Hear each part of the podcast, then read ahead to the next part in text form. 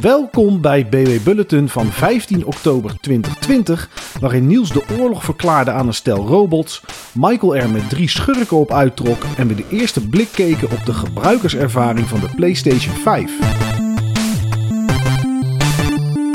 Oorlog, robots, Niels, wat heb je gespeeld? Ja, ik heb een game gespeeld die eigenlijk niet bij mij past, maar die ik Oh. toch wel een beetje leuk vind.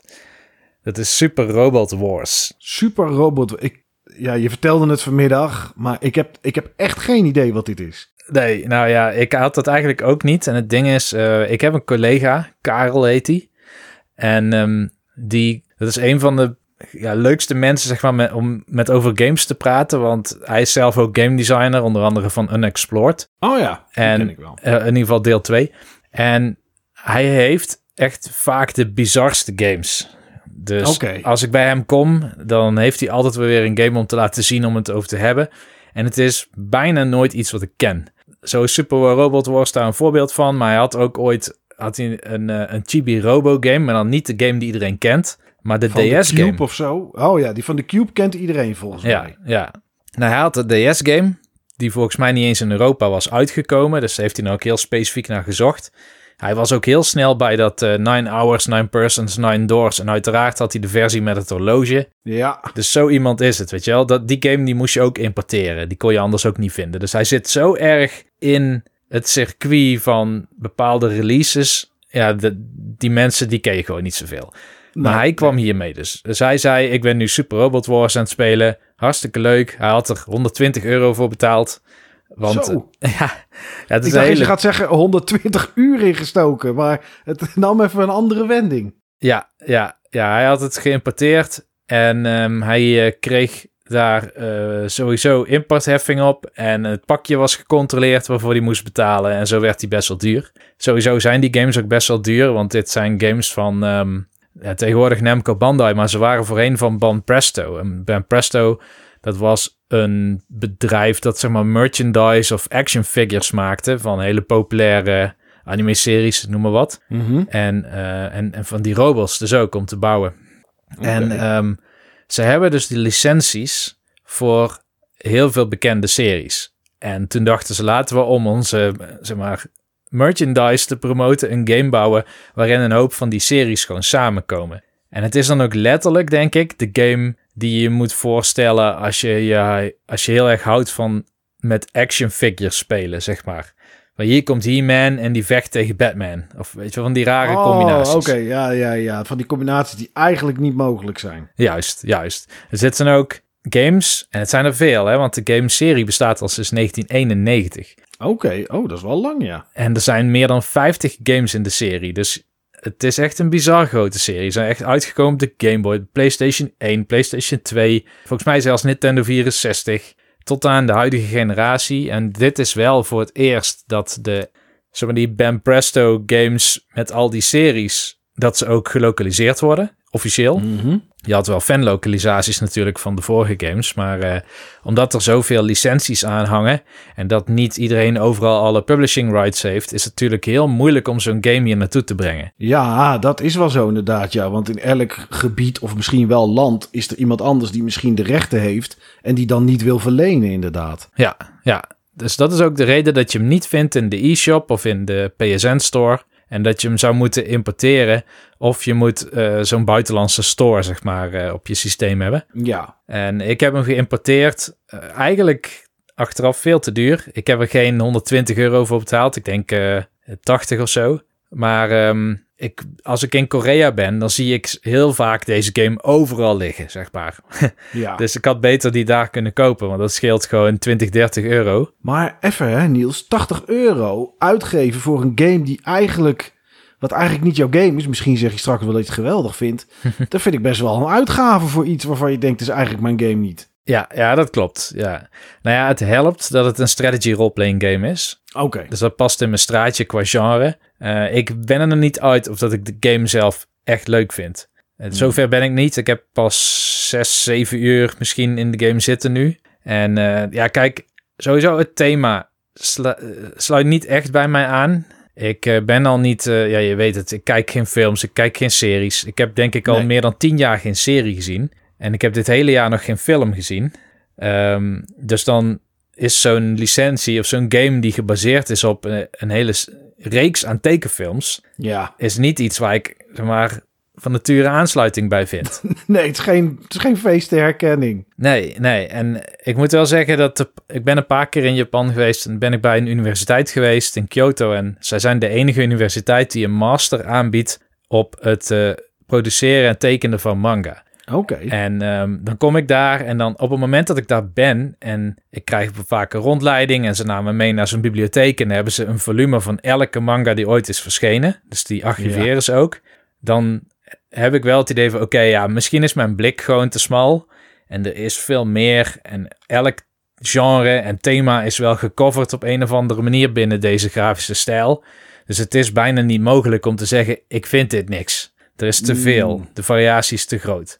Dus dan Ja. ben ik meestal heel optimistisch. En dan ga ik daarna, dan ga ik in mijn hotel, dan ga ik op mijn tablet of zo een paar ehm, populaire manga's downloaden. En dan zit ik in de trein of in de metro en dan ga ik er een paar bekijken. Maar dat krijgt geen tractie. Zeg maar, zodra ik dan weer thuis ben, dan start ik het nooit meer op. Nee, dan is het weg inderdaad. Ja, ja, dat snap ik wel. Ik heb dat altijd, ja, dat is heel vreemd. Ik heb dat altijd met ketchup. En dan in Spanje of zo. Dan ga je in een restaurantje eten. Dat is een heel ander iets. Maar dan ga je daar in een restaurantje eten. En dan krijg je er eigenlijk altijd ketchup bij. Want mayonaise is niet zo standaard. Dat is meer iets voor hier, België en Frankrijk of zo. En dan krijg je ketchup en dan denk je... Oh man, een patatje met ketchup, dat is best lekker. En dan, dan neem ik misschien nog een fles mee vandaar. Terwijl het hetzelfde smaakt als hier. En dan, maar ik eet het dan nooit meer. Ja, nou dat, is, het. Iets, ja, dat hoort bij daar. Ja, Net zoals mayonaise in Frankrijk. Dat is van die zure mayonaise. Denk ik, oh lekker man. Bianca vindt het dan niks. En denk ik, oh dat vind ik lekker. Neem ik twee of drie flessen mee. Ja, je eet een halve fles op. En die andere tweeënhalf die gooi je weg. Want het, het hoort niet bij hier inderdaad. Ja, ja dus, dus dat, dat herken ik wel heel erg. Dat heb ik dus met, met manga of met anime of dat soort of tv-series en tekenfilms in het algemeen. Eh, nou heb ik wel eens geprobeerd, dan koop ik zo'n eh, zo'n Jump magazine of zo in een supermarkt. Dat is een magazine en daar zitten een paar hele populaire, langlopende manga-series in. Ja. Eh, dus de mensen die, die daar wel zich in verdiepen, zeg maar, die zullen namen als One Piece en Dragon Ball en dat soort dingen wel herkennen. Ja, die staan Ik er dan ook. in. ik herken dat wel. Maar dan van de games. Ja, precies. Die herken je dan van de games. Maar, maar dat Ja. is natuurlijk afgeleid van, van die manga, die ook tekenfilm-adapties hebben gekregen. Nou, Ja. Die staan dan in dat magazine, zeg maar. Dat magazine is gewoon heel dik. Dat is een, bijna een telefoonboek aan dikte. En daar staan gewoon een hele hoop verschillende episodes in, zeg maar, van verschillende series. En ik kijk daar nooit in. Ik heb die nog nooit doorgebladerd. Ik heb die wel gekocht, maar ik blader hem niet door, want ik, ik heb daar gewoon geen zin in. Nee, misschien moet je hem volgende keer gewoon ook niet meer kopen. Ja, dat doe ik ook niet meer. Nee, leer je wel. Maar goed, Ja. Ehm, ja, wat is dan uiteindelijk die game? Eh, Super Robot Wars. Ik heb dan Super Robot Wars T, T, de laatste. Eh, Mhm. er zijn er echt heel veel. ehm, maar in ieder geval, het is altijd een stuk of 20 tot 25 verschillende televisieseries. Waarvan de karakters en de robots samenkomen binnen een nieuw verhaal. Dus het is niet het verhaal van een van die series. Maar Nee. het is een compleet verhaal dat door Bandai Namco is verzonnen. Waar op een of andere manier die universes zeg maar wel op elkaar aansluiten. En dan moet je je voorstellen dat het... ehm, ja, waar kan ik het mee vergelijken? Een beetje moeilijk. Ehm, je begint met een origineel karakter. Die noemen ze ook Ja. wel de Ben Presto Originals. Er zijn ook games met alleen maar originals en die komen dan soms wel naar het westen. Want die hebben die licentie-issues niet. Mhm. Maar eh, bijvoorbeeld bij, bij, bij deze game, bij T, dan eh, werk je voor een bedrijf en die hebben een nieuw soort robot gebouwd. En er is heel veel concurrentie om het bouwen van robots. Dus zij willen eigenlijk bewijzen dat hun robot de beste is. Maar dan raken ze natuurlijk weer verzeild in een of ander complot dat het hele universum aangaat. En, ehm, en elke keer, elk chapter, en er zitten zo'n 50 chapters in, dus het is heel veel content. Dan eh, bijna elk chapter, dan komt er wel weer een nieuwe robot uit een verschillende serie en die sluit zich dan bij je aan. En die series die komen van, van Gundam en er zitten echt 20, nee, ja, dat is overdreven, 15 Gundam series in of zo. Ja, ik heb hier de hele lijst voor me. En ik denk eens even kijken wat ik dan ken. Ja, ik ken van alles wat erin zit. Ken ik Gundam... Nee, een Mobile Suite Gundam... Gundam? Mhm. Dat ken ik dan qua naam een beetje. En Cowboy Bebop. Dat heb ik nooit gekeken, maar dat is echt wel iets van vroeger, volgens mij. Ja. Maar Expelled from Paradise en de, de Magic Knight Re-Earth en, en dat soort dingen allemaal. Het zegt me helemaal niks. Nee. Nou ja, de meeste dingen die zijn hier ook nooit gekomen. Dus als Nee, je, als je nee. die kent, dan ben je waarschijnlijk fan van, zeg maar, fan-subbed tv-series of zo. Ja. En dan kun je ze kennen. Maar ja, in ieder geval, ik ken ze allemaal niet. Zeg maar Cowboy Bebop ook wel van gehoord en Gundam ook. Ik ben ook wel eens naar zo'n winkel geweest, zo'n Gundam flagship store, waar je dan van die bouwpakketten kan kopen. Oh ja. En dan vind ik het vooral heel duur, zeg maar, wat ik zie. Ehm, maar goed, ja, dat is- het is natuurlijk een, gewoon een hobby voor heel veel mensen om die dingen te bouwen en misschien te schilderen of zo. Ja, ja, net zoals modeltreintjes en dat soort dingen allemaal natuurlijk. eh, Ja, ja. ja. Maar ik moet zeggen dat eh, misschien ook wel een voordeel is dat ik het niet ken. Ehm, en daardoor kan ik, zeg maar, onbevlekt gewoon een paar popjes kiezen die ik cool vind of die eh, goede moves hebben. Want ehm, uiteindelijk heb je dus ja, een stuk of 50 karakters in totaal of zo die je uiteindelijk hebt. Uit al die series die in die game zitten. En je stelt daar teams samen. Dat zijn vrij grote teams. Dus je zit meestal wel met, tenminste tot nu toe, zit ik meestal wel met een robot of 12 tot 15 op het veld. Het zijn altijd hele saaie levels. Als je dingen als Fire Emblem gewend bent of welke andere tactics game dan ook.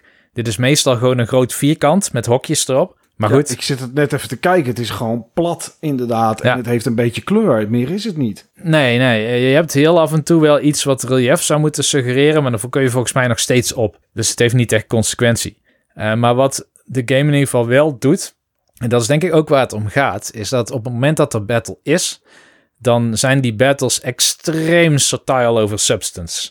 Ehm, dus dan komt er een cutscene en die duurt ook altijd veel te lang. Eh, en die moet je ook gewoon helemaal kijken volgens mij. Maar die is zo over de top. Zeg maar, die, die is met de stemacteurs uit die originele series. Die hebben ook nieuwe regels ingesproken. En ook die poppetjes kunnen ook allemaal met elkaar praten. Met elke vijand. En die noemen elkaar. En die kennen elkaar uit het verleden of zo. Ze hebben het hele over de Lizard War. Wat het dan ook mag zijn. En de Jupiter Wars. En die ken ik ook al niet. Maar goed, eh, ze hebben het er in ieder geval allemaal over. En ehm, eh, ja, je krijgt dan in ieder geval hele gelikte producties te zien.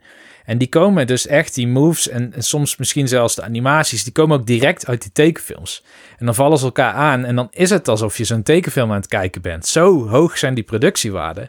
Als je kijkt naar bijvoorbeeld die Dragon Ball Fighter Z, eh, Ja. die ik dan wel eh, een paar keer heb gezien, dat ziet er nog niet zo mooi uit als dit. Oké. Dus dit is echt extreem goed. En eh, ik moet ook wel zeggen dat dat gedeelte, dat vind ik zelfs gaaf. Ook al heb ik die series niet gezien. Dit geeft me heel erg het gevoel wat Fire Emblem op de Game Boy Advance gaf. Als je dan de ene unit aanviel met bijvoorbeeld een, eh, een assassin of zo. Dan gooide die assassin heel kort twee korte mesjes de lucht in. Dan zag je hem in één keer foep, verdwijnen. En dan dacht je, waar is hij nou? En dan kwam je ineens uit de lucht, bam, zo van boven naar beneden op de vijand.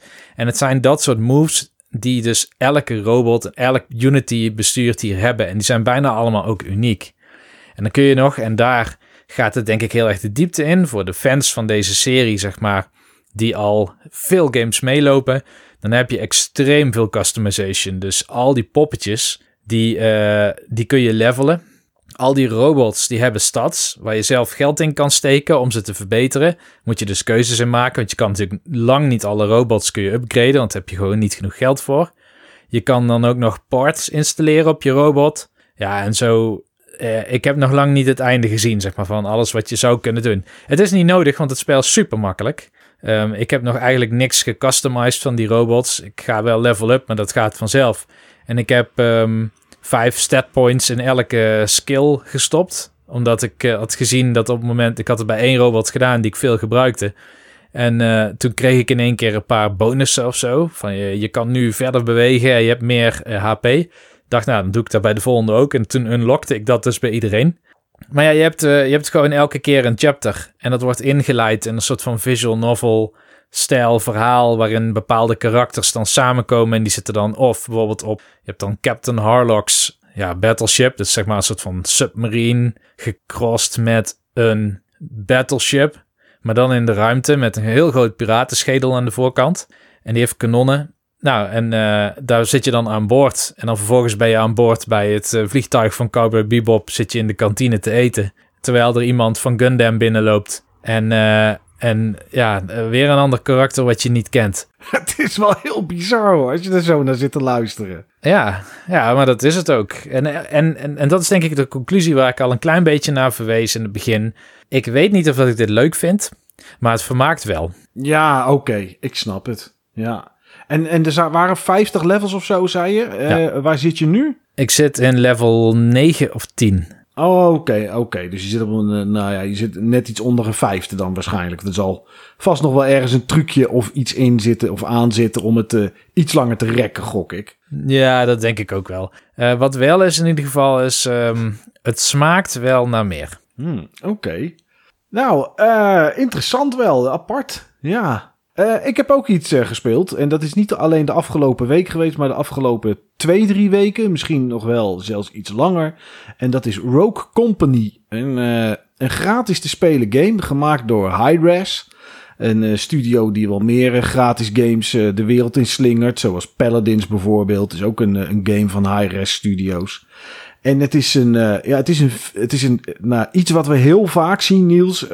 Welke presentatie we ook zien van uh, een nieuwe console of een moment waarbij een aantal nieuwe games worden getoond, is er altijd wel ergens een 4 tegen 4 game. En nou ja, dat is dit ook. Rogue Company is een 4 tegen 4 game die ook zich een beetje mengt met het Battle Royale gevoel. Althans, dat, dat is het een beetje wat ze doen. het, het is qua uitstraling redelijk simplistisch. Daardoor oogt het als een, ja, misschien een game dat je denkt, hier zit weinig aantrekkingskracht in. En als dat je gevoel is, kan ik dat wel onderschrijven op het moment dat je het niet met drie of vier mensen die je kent speelt. Uh, dan is het eigenlijk niet zo heel erg leuk. Wat het is, is er zijn verschillende modes, net zoals elke multiplayer game. Het is ook alleen maar multiplayer, dus het is altijd online altijd 4 tegen 4. Of als je pech hebt, is het 4 tegen 3 als je bij 3 hoort. Maar dat wil nog steeds niet zeggen dat je het niet wint. En um, ja, je kiest één van de rogues. En nou ja, het is een gratis game. Ergens moet geld verdiend aan worden. Dus of je kan heel lang sparen voor de andere rogues, of je kan er geld in stoppen om ze vrij te kopen. Op het moment dat je een rogue kiest en je kiest een game mode, dan begin je in een vliegtuig. Nou, dat zijn we ook inmiddels wel gewend. En in dat vliegtuig heb je een winkel. En bij de meeste modus uh, heb je 500 dollar tot je beschikking. En dan kan je een van je wapens upgraden of misschien iets heel kleins kopen. En aan de hand van hoeveel kills je maakt, hoeveel punten je in het spel maakt en of je de ronde wint. Want al die potjes bestaan uit verschillende rondes. Start je daarna weer in het vliegtuig en kan je meer en meer en meer kopen om jezelf sterker te maken. de tegenstander natuurlijk ook.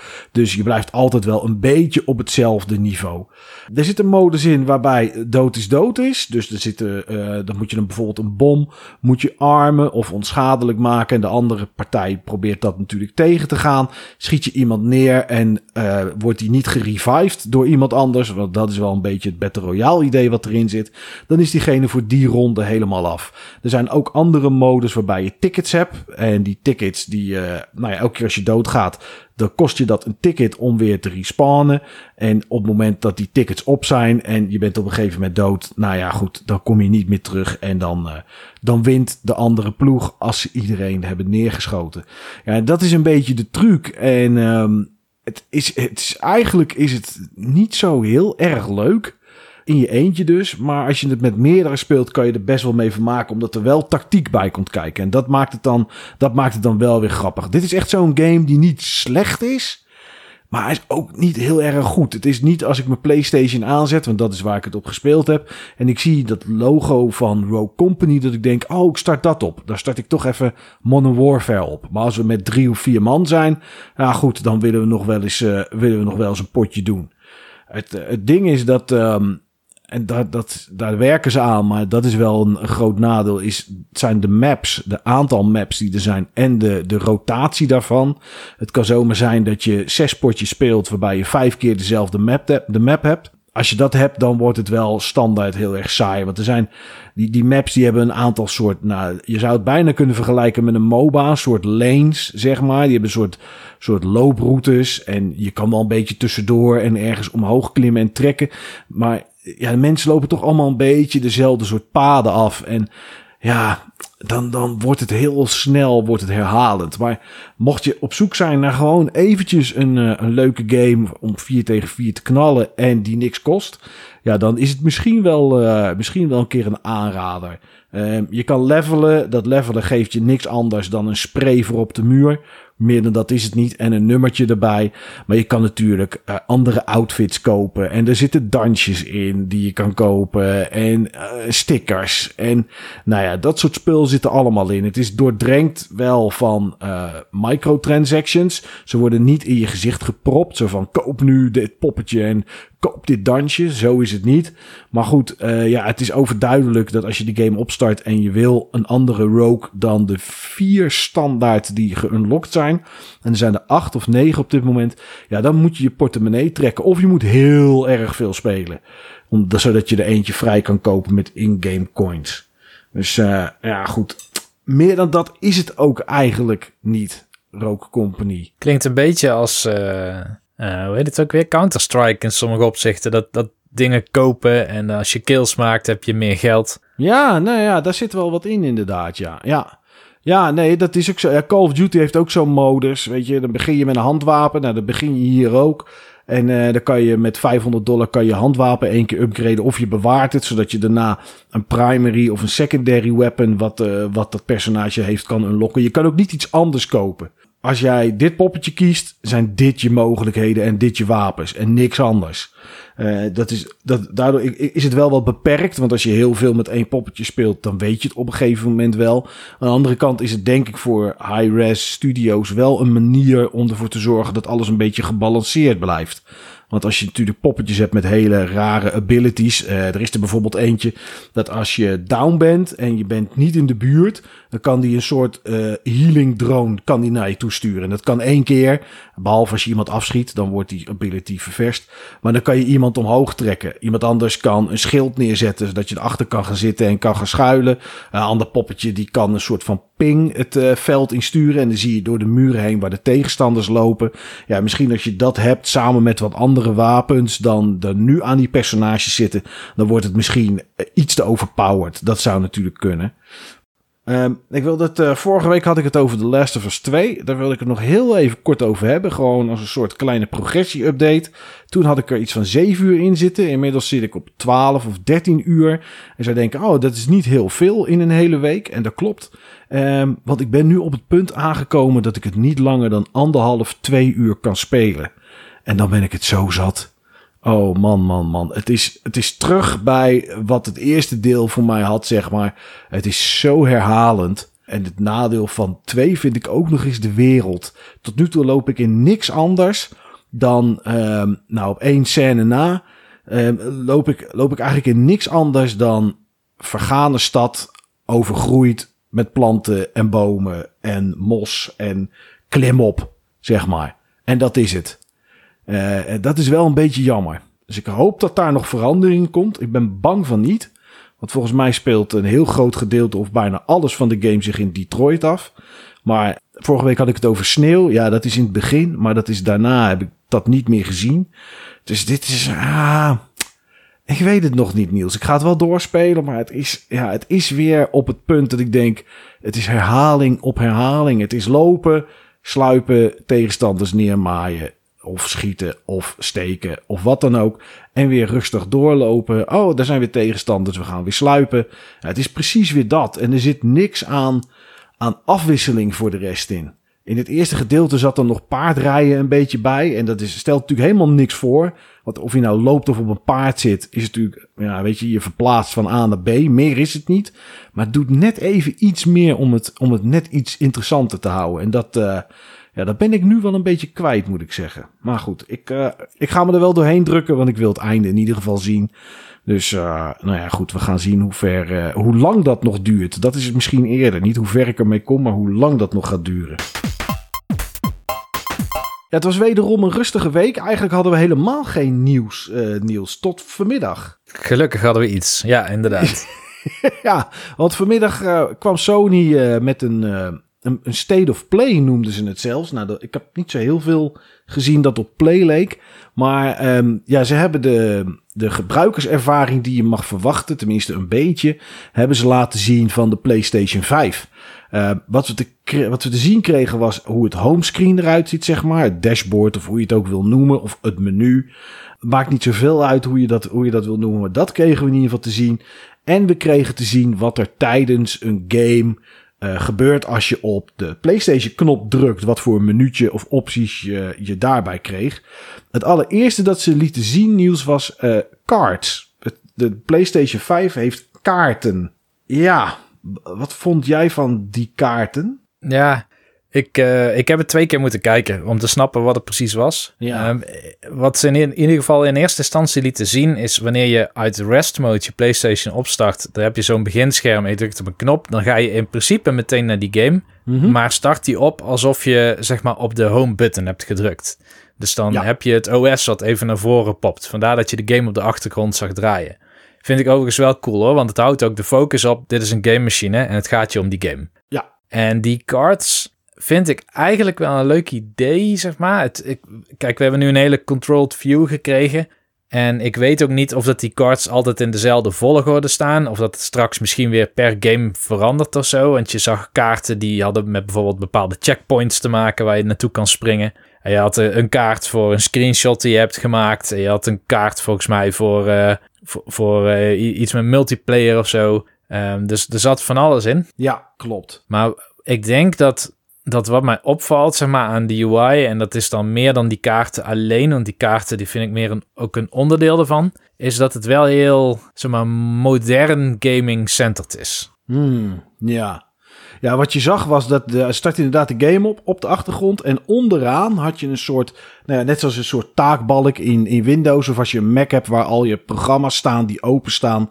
En een soort shortcuts die je daar, eh, die je daar hebt. Daar zag je eigenlijk eh, de, de knoppen in van het systeem zelf. Dus daar had je je vrienden en de partylist. En je had daar... Uh, nou, dat je naar het home kon en daar kon je mee uitzetten. Dat zag je allemaal onderin. Een beetje zoals de balk die nu boven op de PlayStation 4 is. Alleen dan niet de game uitgaande, maar die kwam er overheen. En daarboven had je inderdaad die kaarten. En um, wat ik daar leuk aan vond, was dat um, ze lieten Sackboy lieten ze zien. A Big Adventure. En daar zaten een aantal kaarten zaten ertussen. En wat jij zegt, Niels, had, weet ik ook niet. Want de e-, allereerste kaart ging over nieuws. Over nieuwsitems die, um, die die persoon van wie we de demo zagen... Uh, die kreeg dan berichten over games die die dan echt gevolgd had, zeg maar. Dus als de ontwikkelaar daar iets nieuws over had verteld of, of nieuws had geplaatst, dan kreeg hij dat bij elkaar en dan klikte hij op die kaart en dan schoof dat ook weer naar boven uit. Dus je had onderin een balk, dan een kaart en die kaart schoof dan ook weer uit. Ik vond het heel rommelig, moet ik zeggen. Sowieso, dat hele, die hele structuur met die kaarten, een beetje, ja, te veel op mijn scherm gepropt. Uh, maar andere kaarten vond ik wel interessant. En dat was bijvoorbeeld van Sackboy zag je dat er een level was. En dat level was voor 33% gecomplete. En je zag daar staan wat je nog moest doen om dat level op 100% te krijgen. Nou, dan kon je direct naar dat level toespringen. En dan kon je daaraan beginnen. En als je nou niet weet wat je moet doen om die taken te halen, dan kan de ontwikkelaar, en het woordje kan is denk ik heel, heel belangrijk, kan de ontwikkelaar achter die soort checkpoints eventueel een screenshot zetten of een kleine video van waar je dat dan kan halen. Uh, dus dan als je een game op 100% complete wil hebben en de ontwikkelaar zou de tijd en moeite nemen om dat te vullen, hoef je niet op je telefoon op YouTube te kijken waar je iets kan vinden of uh, waar je dat item kan halen, want dat vertelt de PlayStation je dan. Maar goed, super mooi en je weet ook als je een game op 100% wil hebben waar je wat nog moet doen om dat eventueel te halen. Alleen ja, de ontwikkelaar moet het er wel in stoppen, Niels. Als een ontwikkelaar denkt, dit ga ik niet doen, hier heb ik geen tijd voor of geen zin in. Ja, dan vraag ik me af wat er dan op die kaarten komt te staan. Ja, ik moest een beetje denken aan op de Wii U had je namelijk ook zoiets. Maar dat was ook maar bij één of twee games. Um, en dan kon je dan de game een stukje laten spelen, zodat je zag hoe het moest. Oh ja, dan kon de game voor jou spelen inderdaad, ja. Ja, en dit deed me ook wel een beetje daaraan denken. Eh, aan de ene kant, ik vind het wel fijn. Ik denk niet dat iedereen hierop zit te wachten. En dat je het misschien zou willen disabelen. Bijvoorbeeld, je wil niet zien in Dark Souls hoe je een baas verslaat. Ik noem maar wat. Nee, en je wil ook niet zien wat je misschien nog moet doen in een gebied bij een game als Dark Souls. Om, uh, of welke wapens daar nog liggen die je nog niet op hebt gepakt. Ja. Dat gaat ook een beetje om het exploren, inderdaad. Ja, dus als het optioneel is, vind ik het denk ik heel goed. Uh, als het niet in één oogopslag verklapt wat je kan doen in de omgeving, vind ik het ook wel prima. Uh, maar ik ben nu ook een game aan het spelen en daar zal ik het wel uh, binnenkort over hebben. Maar dat is Luigi's Mansion 3. En Mhm. daar zoek ik denk ik om de twee uur iets op. Ja. Maar dat is zo nauwkeurig. Het gaat dan echt maar over één ding. Omdat ik bijvoorbeeld, ik zie dan niet welke buis ik in moet of zo. Ik noem maar wat. Uh, Ja. Dan kan ik het opzoeken. Maar ik wil niet van tevoren weten, hey, er zitten hier een paar buizen en je moet uh, de derde van links hebben. En dan ga je vervolgens naar het volgende scherm. Hmm. Dus ik wil niet... Ja. maar, het, het uitvinden van wat moet ik doen is natuurlijk de game zelf. Dat is de, de essentie zo'n beetje. Dus ik hoop Ja. niet dat het de essentie van de game ondermijnt. Maar ik denk het niet. Zou je dan wel willen weten dat er op de vierde etage van Luigi's Mansion nog drie gouden munten zijn? Nou weet je dat volgens mij toch wel, omdat dat in, in, in een overzicht zit. Maar stel dat je dat niet ziet, dat er op de vierde etage nog drie gouden munten zijn en twee robijnen om te verzamelen en één spook dat verstopt zit. Want dat is toch ook een beetje het leuke aan dat soort games. Om zelf uit te vinden wat er nog allemaal te vinden is. Ja. En dat zag je hier gelijk. Hè? Je zag 33% van dit level is complete. Oké, dan moet ik daar dus nog wat halen. En als je dan op klikte, zag je je moet uh, deze sticker nog hebben. En deze, deze armor. En nog één dingetje. Ja, dan verraadt het wel een hele hoop. Ja, dus het zou iets zijn wat ik uit zou zetten. Ja. Ja, ik zou het ook uitzetten. Alleen maar voor, ook voor het overzicht. Want het was ja, heel erg rommelig zo allemaal bij elkaar. Uh, en ik vraag me inderdaad af, kijk, Sony heeft het nu natuurlijk gedaan voor, uh, voor, voor deze game, voor Sackboy, omdat ze natuurlijk willen laten zien hoe het werkt. Maar ja, als je dat zelf moet gaan zitten doen, dan uh, ja, als ontwikkelaar, dan vraag ik me af hoeveel mensen dat, hoeveel mensen dat gaan doen. Dus het, ik vind het wel een leuk idee om te zien hoeveel procent je nog van een level moet hebben. Maar misschien zou het op een andere plek moeten zitten. Ik denk dat met name first-party games er gebruik van gaan maken. Maar ik zie heel weinig kleine games daar gebruik van maken. Ja, ja. Een ander dingetje dat we zagen zijn uh, de parties, hoe die nu werken. En uh, nou ja, daar had ik zelf uh, gisteren al eigenlijk last van. Want op de PlayStation 4 is een update uitgekomen 8.0 en daar kan je niet omheen. Soms kan je van 7.5 naar 7.51 kan je nog wel een update uitstellen, maar 8 moet je installeren om online te kunnen. En de parties zijn vernieuwd en ja, dit is echt super onhandig wat ze gedaan hebben. Uh, gisteren heb ik daar het eerste voorbeeld van gehad. Voorheen was het zo, je zegt ik maak een nieuwe party chat maak ik aan. En ik nodig deze en deze mensen uit, want die zijn nu online. En voor de rest laat ik hem openstaan en dan zien we wel wie er binnenkomt en is het klaar. Uh, op het moment dat ik die party uitgaat, dan blijft die open en kunnen andere mensen hem overnemen. En op het moment dat de laatste eruit gaat, is de party weg.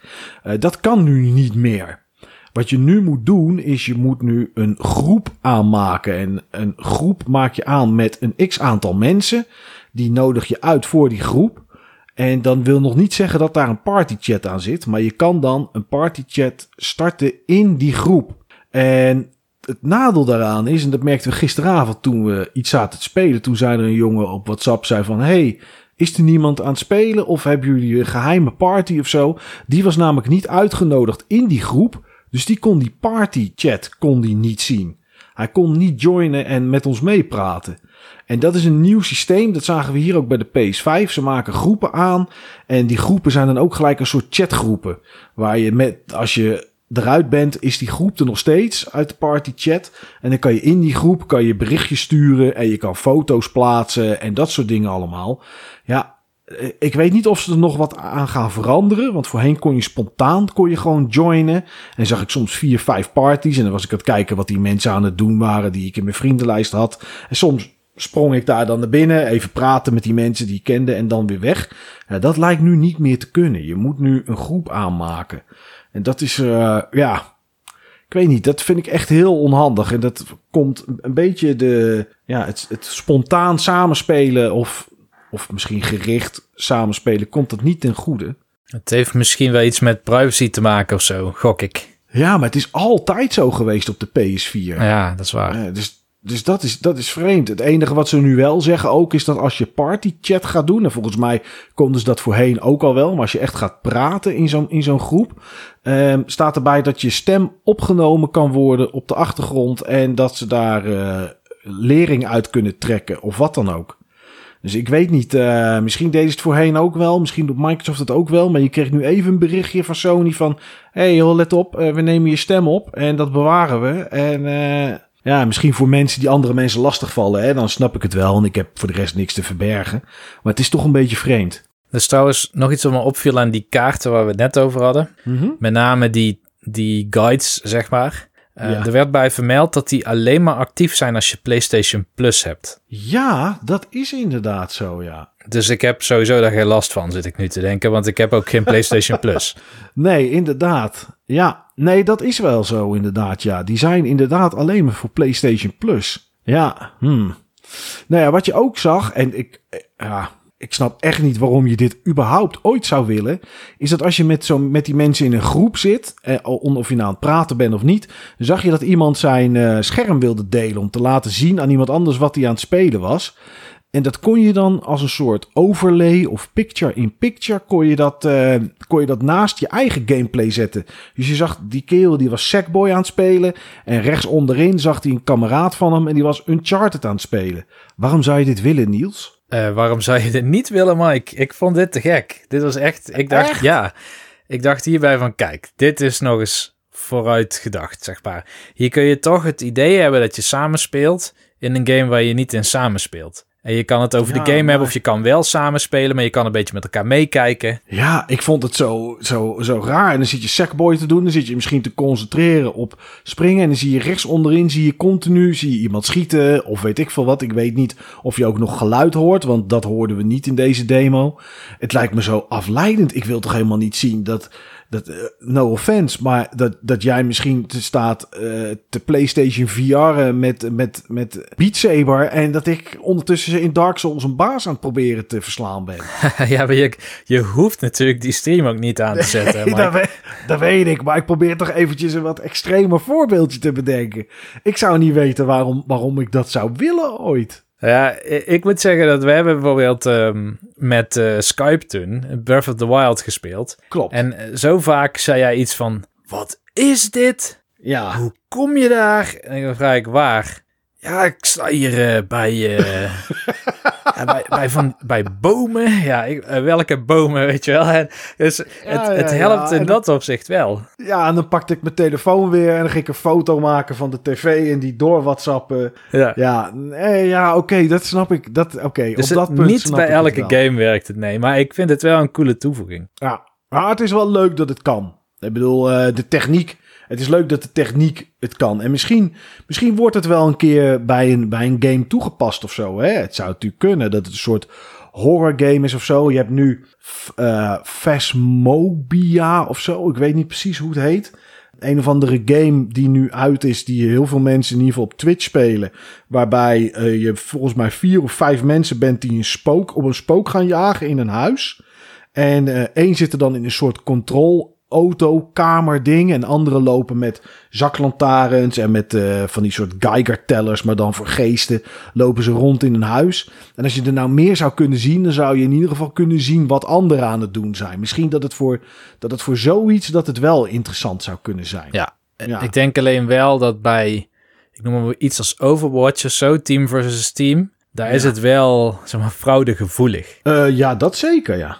Ja, daar zeg je wat inderdaad. Nou ja, het is in ieder geval een voorbeeld van wat ik in ieder geval wel in het UI zag. Het is echt uh, minder een soort traditioneel operating system. Een soort van shell of zo waarmee je applicaties mm -hmm. start. En het is meer echt vanuit de game en vanuit het gebruik van moderne games. Dus het, het is eigenlijk meer zo'n always online paradigma. Waarin je connected bent met je vrienden en je altijd deelt en altijd kan meekijken met iedereen. Ja, ja, mits je in zo'n groep zit, hè? Want anders dan kan je elkaar weer niet vinden. Ja, oké, okay, dat is waar. Ja. ja. dat is dan wel weer zo'n ding. Uh, tot slot kregen we het home menu, zeg maar. Of het homescreen kregen we te zien. Ik moet zeggen dat het erg overzichtelijk uitzag. Ik vond het een beetje een soort 3DS-achtige view. Met van die, uh, of, of gewoon een iPhone. Uh, je zag eigenlijk als een soort icoontjes, zag je al die games naast elkaar.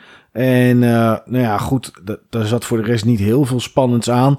Uh, ik vond het wel vervelend, tenminste voor het oog, dat ze, ze verschoven van de ene game naar de andere game en naar een icoontje over iets met informatie of zo, dat elke keer de achtergrond veranderde. Want dan kreeg je echt hele, hele grote plaatjes, kreeg je elke keer in beeld en dat veranderde de hele tijd. Nou ja, misschien is dat uit te zetten of aan te zetten. Ja, voor de rest zag het er wel clean uit, nieuws moet ik zeggen. Het zag er niet, uh, het was geen chaos of bende of zo, of rommelig. Nee, nee. Ik vond het een grote verbetering ten opzichte van PlayStation 4 in de meeste opzichten. Ik hou bijvoorbeeld niet zo van die settings in de PlayStation 4. Die zitten dan helemaal verstopt. En dan heb je veel te veel items in zo'n lijst. Dit was echt gecentreerd rondom de games. Zelfs als je naar bijvoorbeeld media apps wil, dan moet je gewoon een ander tabblad heen. En je ziet gewoon, net als op de Switch of op de 3DS inderdaad, gewoon die tegels van je games op een rij. En op het moment dat je die wil spelen, dan druk je op pijltje naar beneden of zo. Dan kun je op play drukken. En tegelijkertijd komen dan pas alle specifieke cards van die game tevoorschijn. Ja, ja, dat klopt. En het was ook best wel snel, zeg maar. Dus ik had het Zeker weten. idee dat ja, het is nog niet zo snel als het Switch OS. Dat is echt zo'n pop en op en alle iconen staan er. Hier zag je ze nog wel, zeg maar, in streamen. Mhm. Ehm, maar het was volgens mij sneller dan het Xbox Series X OS. Ja, zo zag het er wel uit, inderdaad. Ja, moet er wel bij zeggen dat dit een video was ehm, van hoe ze het, zeg maar, voor zich zien. Dus het was nog niet zo dat dit er op dag 1 allemaal was en allemaal in zat. En die konden nog dingen aan veranderen. Maar uh, ja, goed, ik, uh, ja, ik vond het niet slecht. Ik vond het alleen, ja, ik vond het wat rommelig door die kaarten. Dat is eigenlijk uh, die kaart. Ja, en goed, die picture-in-picture zag ik dan niet helemaal. Maar je hebt wel met die Breath of the Wild was inderdaad wel een puntje. Daar kon je in ieder geval makkelijk aan iemand laten zien wat je aan het doen bent, inderdaad. Dus dat is, dat is op zich wel een dingetje, ja. Ja, wat ik wel miste, Mike, ja. was een, um, een soort, uh, ja, hoe noemden ze dat nou ook weer bij de Xbox Series X? Dat je meerdere games in slaapstand kan zetten. Oh, quick resume. Ja, dat had je volgens mij hier niet. Want ze, ze, nee, niet ze echt. booten in uh, Little Big Planet en daarna dan zetten ze die iets met Arena of zo, All Star, nog iets. Ja, die, uh, die game die, we, die niet zoveel gepromoot wordt. Die ook 4 tegen 4 met auto's en elkaar slachten. Ja, en de laadtijden daarvan duurden langer dan de games die we tot nu toe op Xbox Series X hebben gezien. Ja. Maar die kwamen natuurlijk altijd uit Quick Resume, hè? dus dat is een ander verhaal. Klopt. Maar ja, het leek er dus in deze zin op dat de PlayStation 5 niet zo'n feature heeft. Dat je meerdere games in slaapstand kan zetten. Nee, nee, nee. Nee, daar leek het inderdaad niet op. Het ging wel snel inderdaad, want hij ging op een gegeven moment uit die, uh, uit die, uit die battle multiplayer game ging die weer terug naar Little Big Planet.